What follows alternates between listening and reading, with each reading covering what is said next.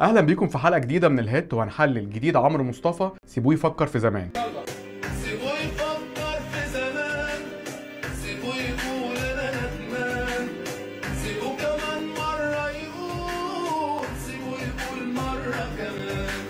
من أسابيع عمرو مصطفى نزل مقطع صغير من الأغنية دي بيقترب من 30 ثانية. كان بيغني في الاستوديو وبيعمل حركات جسدية غريبة كده شوية فأصبح ترند والناس بتقلده على تيك توك وانتشر جدا على السوشيال ميديا ومن أيام نزلت الأغنية بشكل كامل من كلمات الشاعر مصطفى ناصر وهو نفسه المسؤول عن أغنية لو جاي في رجوع إنساني.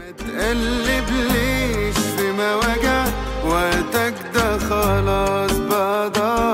الأغنية دي برضو منتشرة جدا الأيام دي وتقريبا الأغنيتين ليهم نفس الموضوع. الراجل ده يا جماعة يبدو إن هو لسه مفركش وعنده مخزون كبير من التجاوز يعني. الكلمات في البداية جاية بصيغة خبرية مباشرة عن واحد بيحكي اللي حصل بالظبط بمفردات مكررة وكليشيه جدا يعني. ناديته رماني ولما نسيته جاني نصيبه أسيبه يموت من جرحه قدامي. يعني الكلمات دي سمعناها كتير قوي قبل كده. في جملة الكورس سيبوه يفكر في زمان هتحس شوية بتأثر بجملة سيبوه أنا عايزه حي. من أغنية وسع وسع لأحمد سعد. مع الفارق طبعا. سيبوه كمان مرة يقول سيبوه يقول مرة كمان. يعني هنا التكرار مع تغيير الترتيب أنا ما فهمتوش قوي. بس هو إفيه لطيف وحاجة غريبة جذبت اللي بيسمع يعني. وممكن حد يفسر معنى التكرار ده بإنه يعني إمعانا في ذل الحبيب. يعني سيبوه يقول مرة كمان سيبوه كمان مرة يقول كمان مرة سيبوه يقول وهكذا. أكتر جملة عجبتني هي سيبوه يحلم ما هو الحلم ببلاش. يعني دي تحس إنها فيها شوية صنعة. لحن عمرو مصطفى فيه شوية نقلات مميزة. يعني لحن الكوبليهات أو الفيرسات جه على مقام الكورد من درجة سول.